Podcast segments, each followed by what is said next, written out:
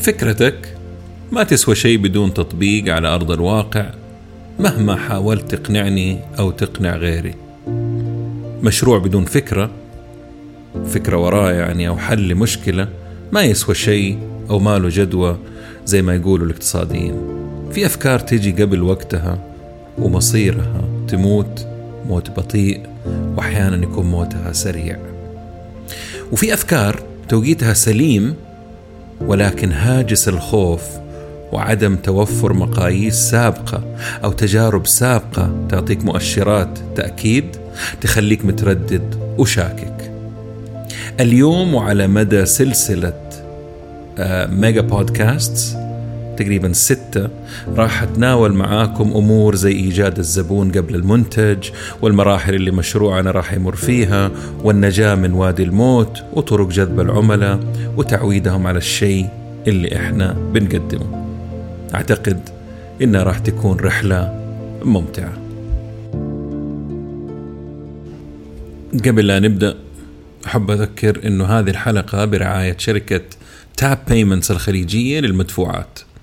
إذا كنت تقدم خدمات زي freelancing أو صاحب مشروع عندك متجر على الانستغرام أو آه، من الأسر المنتجة فتطبيق goCollect من شركة Tap مهم جدا لكم. التطبيق يساعدك بأنه الفواتير بينك وبين عميلك تكون بشكل أسهل وأكثر تطور.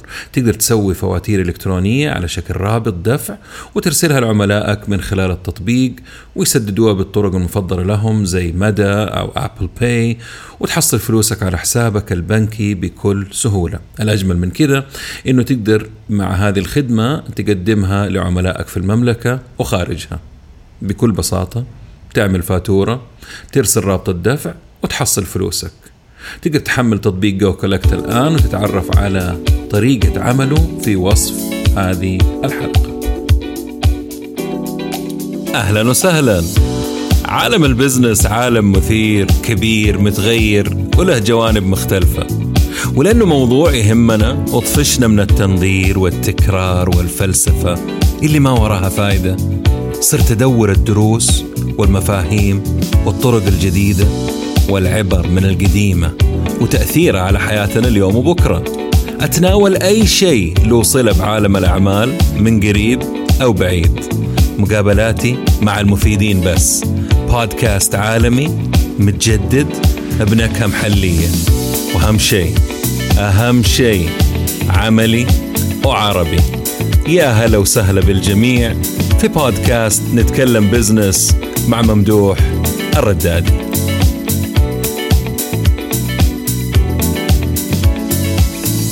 بصراحة كذا وبدون لف ودوران النصائح اللي راح أذكرها لرواد الأعمال اللي يبغوا يقدموا حلول جديدة لمشاكل قديمة أو تطوير الأشياء موجودة عندنا أو حتى تقديم أشياء ما نعرف إننا كمستخدمين أو عملاء أو زباين آه، نحتاجها. الاضطراب الديسربشن في السوق أصبح شيء طبيعي ومتكرر. آه السوق يعني يحبه. آه يكرهوا طبعا اللي هم في البداية اللي يحاربوه واللي متعودين على الأشياء القديمة يعني والطرق القديمة. المستثمرين يموتوا فيه لأنه العوائد اللي فيه خرافية.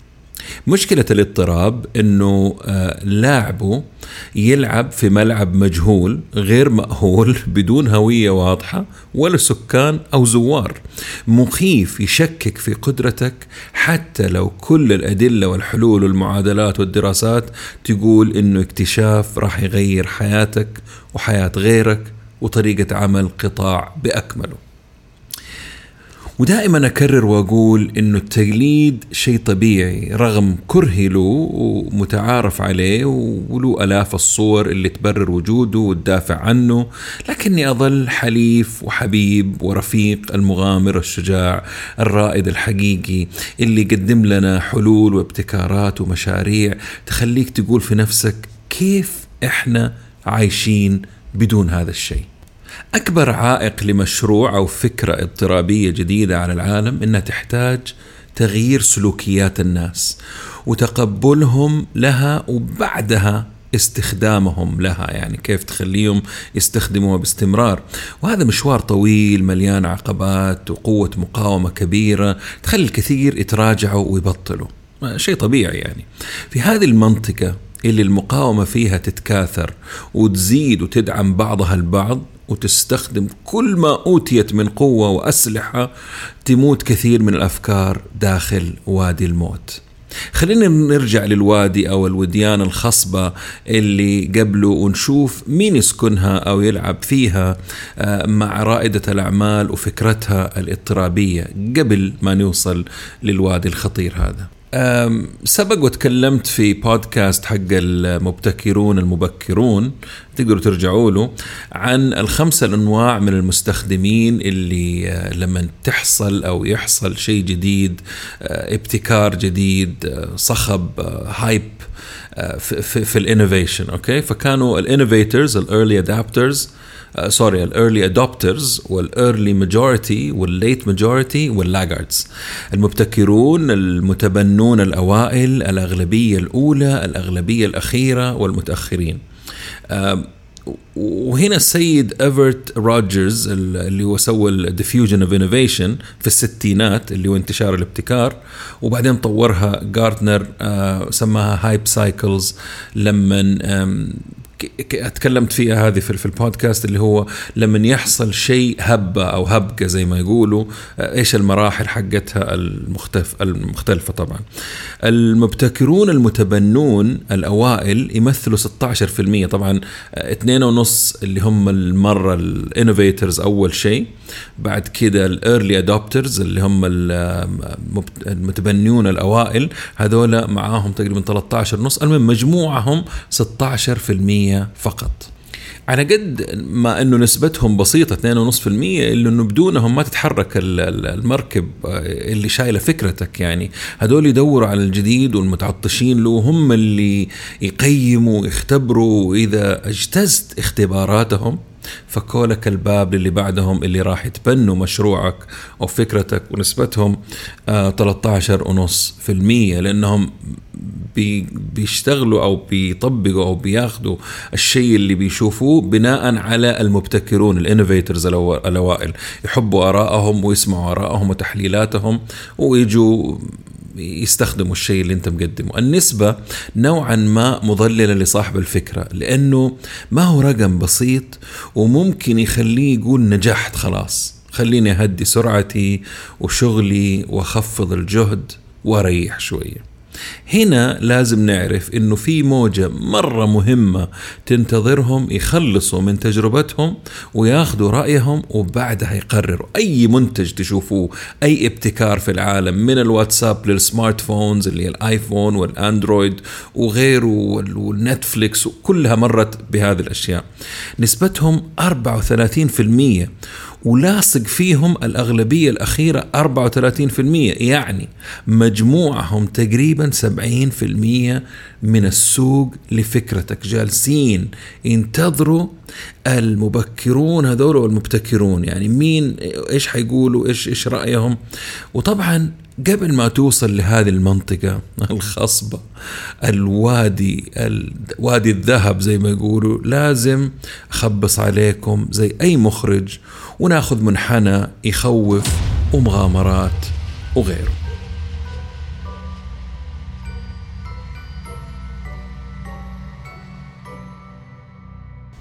كرائد أعمال بفكرة جديدة في السوق تحتاج توصل لبر الأمان عبر الأغلبية الأولى ال 34% اللي هي الأغلبية الأخيرة.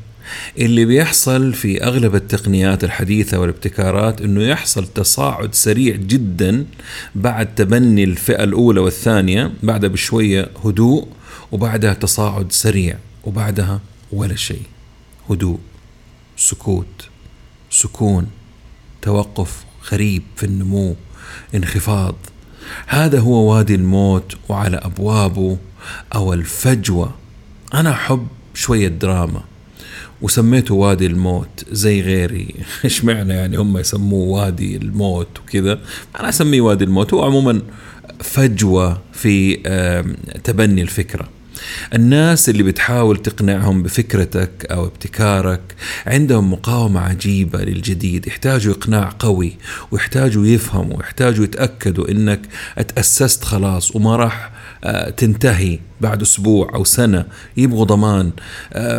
ما ما يبنوا قراراتهم على نظريات ودراسات واعتقادات أو PowerPoint presentation يبنوها على واقعية يسموهم بالإنجليزي pragmatists تحتاج معاهم آه، استراتيجية واضحة وتنفيذ أقوى وليونة ومرونة في مشروعك عشان تعدي الفجوة أو الوادي عشان توصل للمشككين المهمين. أنا أسميهم مشككين مهمين.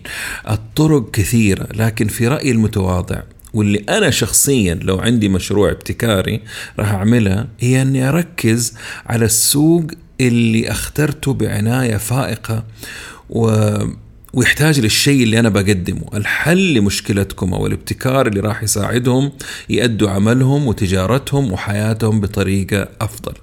الشيء الأكيد اللي ما راح أعمله هو إني أحاول أقنع كل السوق بالشيء اللي أنا بقدمه وأحرق أوراقي قبل ما أبدأ. تسويقي راح يكون على النيش ماركت المحدد المركز. لازم أعرف السوق المهم المهتم بالشيء اللي أنا بقدمه وأحفظه زي اسمي وأكثر وأعرف نقاط قوته وضعفه واحتياجاته وأركز عليهم وعليهم هم بس. من المهم هنا أوضح أنه شغلك المفروض يكون تحت الرادار قدر المستطاع عشان ما تلفت نظر كبار السوق اللي ممكن يقلدوا فكرتك. بس الميزة اللي عندك حتى لو قلدوك إنه كبار الشركات تاخذ وقت عشان تقرر ولازم تدرس الفكرة آه، من الصفر وتأثيرها على اللي عندهم والعوائد والهليلة والبيروقراطية. مهما كانوا عندهم ليونة ما عندهم ليونة ستارت أبس. جائع بفكرة ابتكارية. أنت عندك حماس وليونة وأشياء ما هي عندهم. تركيزك على سوقك المختص الصغير. ممكن تكون شركات عملاقة على فكرة اللي تخدمها ولكن محدودة وعلى قدك. لازم يكون مركز ومتقن وتعدل وتصلح وتغير وأنت ماشي يعني بتفكر وأنت ماشي. أهم شيء تكسب هذا السوق وما تخليهم يفكروا بغيرك. بعد ما آه، تهضم هذا السوق أو الشريحة تستعد للحرب على فكرة. يعني ما بالغ لما أقول حرب لأنك راح تمر بأشياء وأمور احتمال اليوم تعتقد إني جالس أبالغ لكن صدقوني ومريت فيها. وعشان أكون مرة صادق ما قدرت أكمل وفشلت لكن اتعلمت. تعلمت إنه عشان تعدي وادي الموت تحتاج تكون مستعد للرحلة اللي احتمال كبير ما حد راح يخاويك فيها وتلقى نفسك لوحدك بدون مرشد ولا دليل. أهم شيء إنك تستمر وما توقف وتحارب بكل اللي عندك. عشان تنتقل من سوق محكم صغير مجدي أتقنته لسوق كبير مفتوح مستقبل فكرتك وحياتها موجودة فيه لازم تعرف كيف تدعس بنزين وما ترفع رجلك إلا لوهلة وتكمل بأقصى سرعة وطاقة أنت وفريقك. عشان كده اختار فريقك بعناية وتخلص من اللي أي كلام من بدري. المشوار طويل دائما تسمعهم يقولوا أكثر المشاريع تموت خلال أول ثلاث سنوات. ترى صح؟ واحتمال بعدها بشوية أو قبلها بشوية. طيب كيف؟ من خلال دراستك العميقة لعملائك وتصرفاتهم وردود أفعالهم للشيء اللي أنت بتقدمه وتغيره وأنت ماشي. يعني أنا بسوي شيء وفي نفس الوقت بأدرس إيش ردة الفعل على طول وبناء على ردود الفعل بتصرف. تستهدف العملاء من خلال عمل سيناريوهات مختلقة أو مختلفة كمان في نفس الوقت لطرق تفاعلهم المختلف مع الشيء اللي أنت بتقدمه وردود الأفعال وكيف راح يتصرفوا مع هذا التفاعل. مو كلام إنشاء ولا مضيعة للوقت عندي يعني أنا عندي بصراحة أدرس وأنا لسه على البر أفضل من ما أنا أفكر آه، وأنا جالس وسط حرب وأشياء قاعدة تحصل والمشاكل ما تنتهي وكل ما اطفي نار تتولع نار في جهة ثانية. يعني فأفضل إنكم أنتم تفكروا وأنتم لسه على البر. ومن المهم جدا إنك ما تبيع في البداية إلا للسوق اللي أنت محدده ولا تشتت جهودك. بالتالي جهودك راح تضعف لأنك توسعت بدري. لما تكون محدد سوقك المحندق تقدر تخدمهم بجودة عالية وخدمة ما حد ينافسك فيها. وهنا هذا السوق راح يعكس صورة رائعة عنك لأنك مهتم فيهم وضمن إمكانياتك المحدودة مؤقتا. نرجع للوادي اللي ما يتسماش. كل ما قدرت تخرج منه بسرعة كل ما زودت فرص نجاتك ونجاة مشروعك. الطريقة هنا إنك تلقى في هذه الفترة شريك استراتيجي. ما تطول عن ثلاثة شهور تقريبا في المرحلة هذه حقت الانتقال للعملاء اللي بعدهم. نسيت أقول لكم كمان أنه في المنطقة هذه أكيد راح يظهر لك منافسين ما كنت عامل حسابهم. احتمال منافس لحظي بيقلدك أو منافس كبير عجبته الفكرة ونفذها. أهم شيء هنا تقتل التردد والخوف وتستمر. تراك مالك رجع على فكرة. الرجوع للخلف قاتل والتوقف قاتل ما قدامك إلا التكمل من المهم برضو في نفس الوقت إنك تعطي العميل صورة إنك قائد لهذا السوق وتقدر تنفذ وتعطي زيادة وتعمل بوزيشننج قوي لبراندك معاهم عشان لما أحد يسأل ما يظهر على محركات البحث غيرك انت أو انت. وهنا في شيء آه، كثير من الناس والتجار ورواد الأعمال ينسوه أو يستخدموه بطريقة خاطئة.